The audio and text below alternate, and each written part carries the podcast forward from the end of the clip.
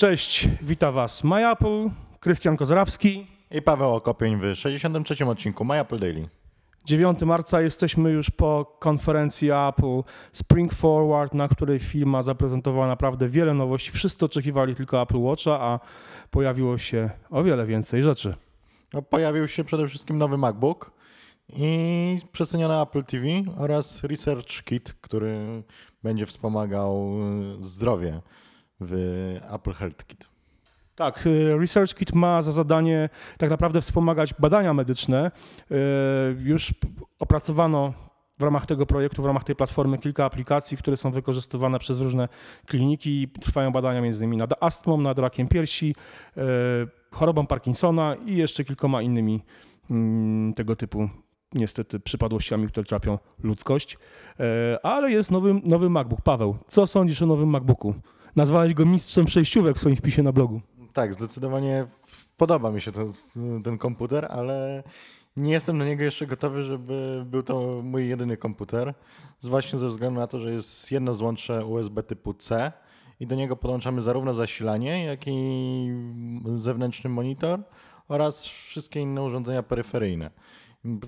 Domyślam się, że po prostu trzeba będzie mieć huba USB albo cokolwiek innego przy sobie zawsze, żeby móc podłączyć yy, dodatkowe urządzenie. Nawet do podłączenia pendrive'a będziemy potrzebowali przejściówkę do zwykłego USB.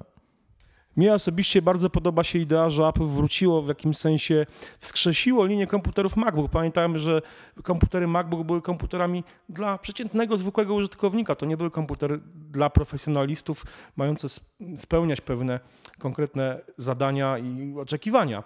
E, MacBook jest komputerem dla każdego. Faktycznie jedno wejście, trochę mnie to martwi. Podoba mi się nowa klawiatura, podoba mi się ten e, gładzik z, z technologią Force Touch. No i ekran Retina. E, Myślisz, że w przyszłości zamienisz sobie swojego MacBooka Air na taki komputer? Myślę, że w przyszłości tak. Jeszcze obstawiam, że mój MacBook Air pożyje 2-3 lata i wtedy będę mógł go zamienić na którąś z ge- generacji nowego MacBooka. To jest tak samo jak właśnie z pierwszym MacBookiem Air, który się pojawił w 2008 roku, którego wszyscy krytykowali za brak napędu optycznego. Teraz krytykujemy nowego MacBooka za brak złącz, ale dla mnie ten komputer nie jest dla przeciętnego użytkownika ze względu na cenę. 6300 zł za podstawowy model zdecydowanie za, za dużo. Ale też tak samo było z pierwszym MacBookiem, a teraz MacBook Air jest y, y, tym właśnie komputerem przystępnym najbardziej w ofercie Apple. No i jeszcze te trzy kolory, które też będą sprawiały, że sprzedaż tego urządzenia będzie cały czas rosła. No ja chyba zdecydowanie Space Gray, ciemny kolor, ja lubię ciemne kolory.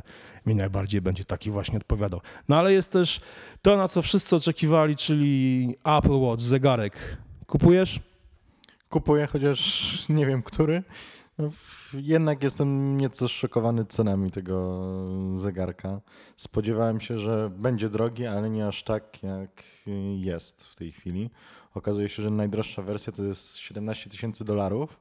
Taka wersja, która mnie interesowała, to jest 1100 dolarów, czyli naprawdę sporo. A jeszcze tak naprawdę nie wiemy, y, jak będzie z kolej... kiedy pojawią się kolejne generacje, co w nich zobaczymy. No i tutaj dość mocno był przegadany ten Apple Watch na konferencji. No tak, fakt, faktycznie firma poświęciła, Tim Cook poświęcił temu zegarkowi masę, masę czasu. Yy, Ja, mi, mi trochę umknęły niektóre funkcje prezentowane podczas tej konferencji. Z, innej, z drugiej strony wiele z tych funkcji widzieliśmy już podczas wrześniowej prezentacji pierwszej tego zegarka. Pawle, jakie najbardziej, jakie funkcje utkwiły Ci w pamięci najbardziej z tego, co dzisiaj zobaczyliśmy? Bardziej to, czego nie zobaczyliśmy, a o czym przeczytałem przed chwilą na stronie e, Apple, że jednak ten zegarek nie jest wodoodporny, on jest wodoszczelny. Czyli może Apple samo zaznacza, że można w nim myć ręce, można uprawiać sport, ale jednak już do wanny tak naprawdę nie, nie wejdziemy.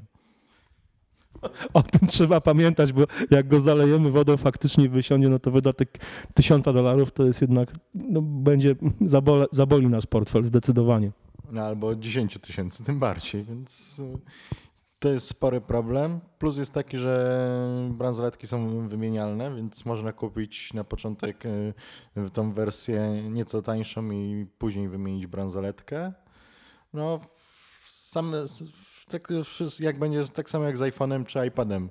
Wszystko będzie zależało od aplikacji, a tych już na starcie jest ponad 40 zapowiedzianych na samej stronie Apple, a będzie pewnie jeszcze więcej w kwietniu.